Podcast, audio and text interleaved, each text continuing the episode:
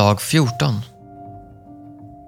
Men nu har Kristus ett högre prästämbete, liksom han också är medlare för ett bättre förbund som är grundat på bättre löften.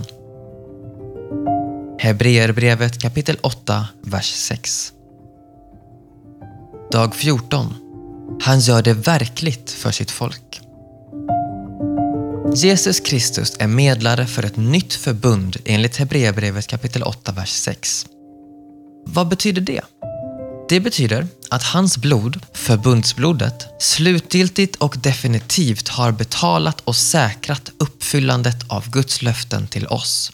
Det betyder att Gud, i enlighet med det nya förbundets löften, åstadkommer vår inre förvandling genom Kristi ande.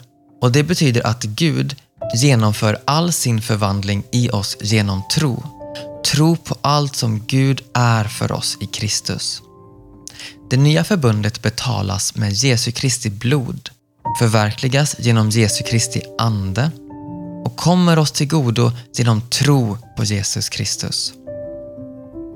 Det bästa stället att se Jesus verka som medlare för det nya förbundet är i Hebreerbrevet kapitel 13, vers 20-21.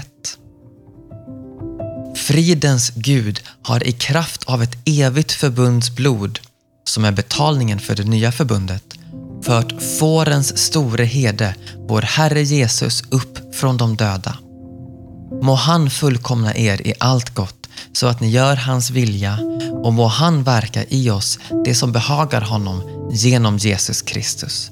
Hans är äran i evigheters evighet. Amen.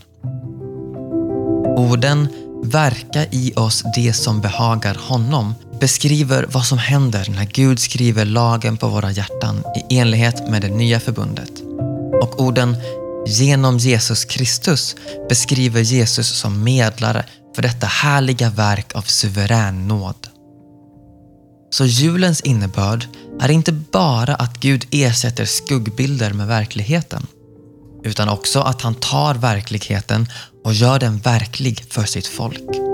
Han skriver den på våra hjärtan. Han lägger inte frälsningens gåva under julgranen så att säga, för att du ska ta upp den i egen styrka. Han tar upp den och lägger den i ditt hjärta och i ditt sinne och ger dig ett sigill på att du är ett Guds barn.